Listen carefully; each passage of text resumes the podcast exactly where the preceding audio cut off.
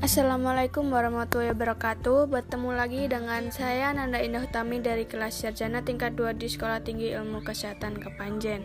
Di podcast kali ini saya akan menjelaskan tentang aplikasi keperawatan transkultural dalam pendidikan keperawatan, praktik, manajemen, dan riset Transkultural nursing sendiri adalah suatu area atau wilayah keilmuan budaya pada proses belajar dan praktek keperawatan yang fokus memandang perbedaan dan kesamaan di antara budaya dengan menghargai asuhan, sehat, dan sakit didasarkan pada nilai budaya manusia, kepercayaan dan tindakan dan ilmu ini digunakan untuk memberikan asuhan keperawatan khususnya budaya atau keutuhan budaya kepada manusia.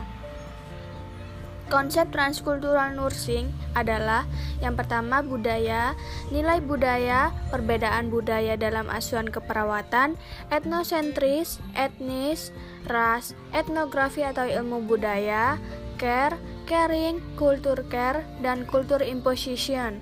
Paradigma dalam transkultural nursing Paradigma transkultural nursing menurut Leininger adalah cara pandang keyakinan nilai-nilai konsep-konsep dalam asuhan keperawatan yang sesuai latar belakangnya budaya.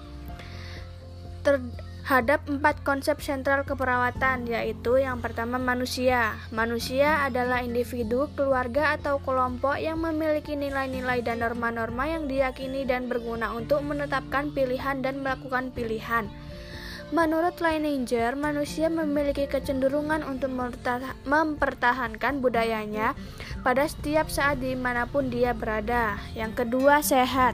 Kesehatan adalah keseluruhan aktivitas yang dimiliki klien dalam mengisi kehidupannya terletak pada rentang sehat sakit kesehatan merupakan ke, suatu keyakinan nilai pola kegiatan dalam konteks budaya yang digunakan untuk menjaga dan memelihara keadaan seimbang atau sehat yang dapat diobservasi dalam aktivitas sehari-hari klien dan perawat mempunyai tujuan yang sama yaitu ingin mempertahankan keadaan sehat dalam rentang sehat sakit yang adaptif.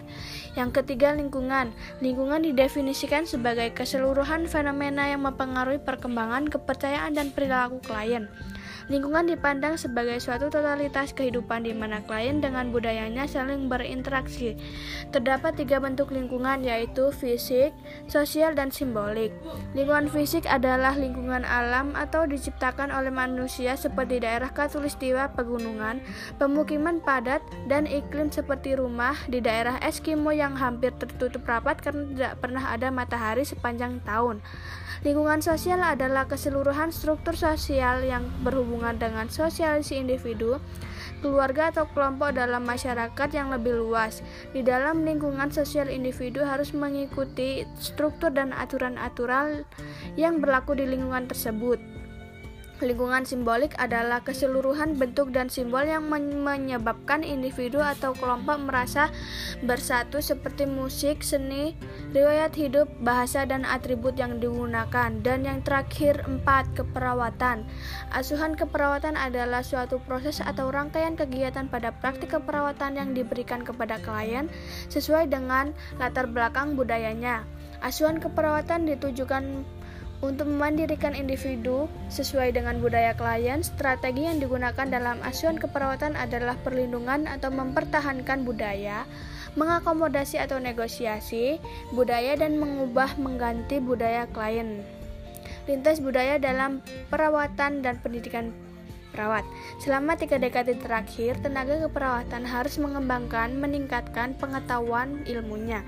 Karena tuntunan klien dari hari ke hari semakin kompleks, profesionalitas tenaga perawatan terus-menerus harus ditingkatkan kualitasnya bila profesi keperawatan mengharapkan tidak ditinggal atau diabaikan oleh masyarakat atau oleh profesi kesehatan lain. Pendidikan tenaga perawatan mau tidak mau, senang maupun tidak senang, harus membekali peserta didiknya tentang asuhan keperawatan yang adekuat dengan nilai-nilai kultur yang menjadi milik klien atau pasien. Selain manajemen keperawatan yang harus menjadi acuan dalam setiap intervensi, pada dewasa ini era global, nilai-nilai kultural menjadi suatu urgent dalam setiap tindakan perawatan. Tantangan yang signifikan bagi profesi keperawatan pada abad 21 berdasarkan hasil riset yang dilakukan oleh Rian dan kawan-kawan di Amerika Serikat tentang transkultural nursing menghasilkan rekomendasi 1. Tenaga perawatan harus mengerti memahami transkultural nursing 2. Transkultural nursing sebagai kesatuan integral dalam setiap intervensi setiap tenaga paramedis diharapkan mempunyai kompetensi 3. Setiap lembaga pendidikan tenaga paramedis hendaknya memberikan kompetensi transkultural nursing kepada mahasiswa dan mahasiswi. 4. Pengetahuan dan penelitian tentang transkultural nursing terus-menerus dilakukan dalam praktik atau pelayanan. 5. Di lahan praktik atau pelayanan perlu adanya pendamping yang mengerti dan mengerti transkultural nursing. Proses keperawatan transkultural nursing Geyser menyatakan bahwa proses keperawatan ini digunakan oleh perawat sebagai landasan berpikir yang memberikan solusi terhadap masalah.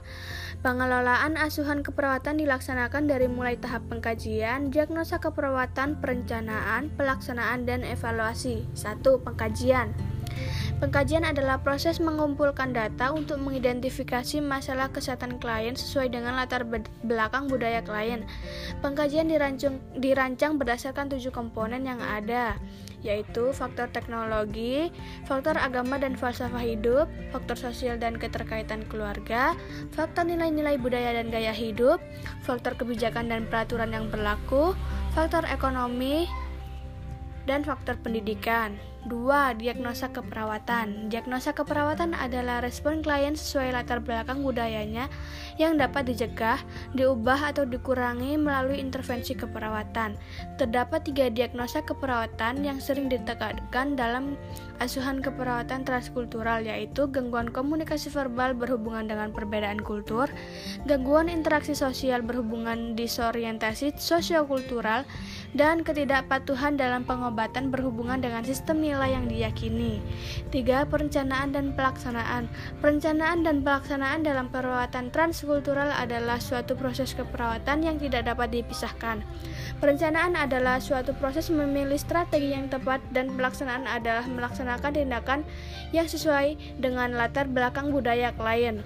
Ada tiga pedoman yang ditawarkan dalam keperawatan transkultural yaitu mempertahankan budaya yang dimiliki klien bila budaya klien tidak ber bertentangan dengan kesehatan, mengakomodasi budaya klien bila budaya klien kurang menguntungkan kesehatan, dan merubah budaya klien bila ada budaya yang dimiliki klien bertentangan dengan kesehatan. A. Culture care preservation atau maintenance Identifikasi perbedaan konsep antara klien dan perawat tentang proses melahirkan dan perawatan bayi, bersikap tenang dan tidak terburu-buru saat berinteraksi dengan klien, mendiskusikan kesenjangan budaya yang dimiliki klien dan perawat. B. Cultural Care Recommendation atau Negotiation Gunakan bahasa yang mudah dipahami oleh klien, libatkan keluarga dalam perencanaan perawatan. Apabila ada konflik tidak terselesaikan, lakukan negosiasi di mana kesepakatan berdasarkan pengetahuan biomedis, pandangan klien, dan standar etik. C.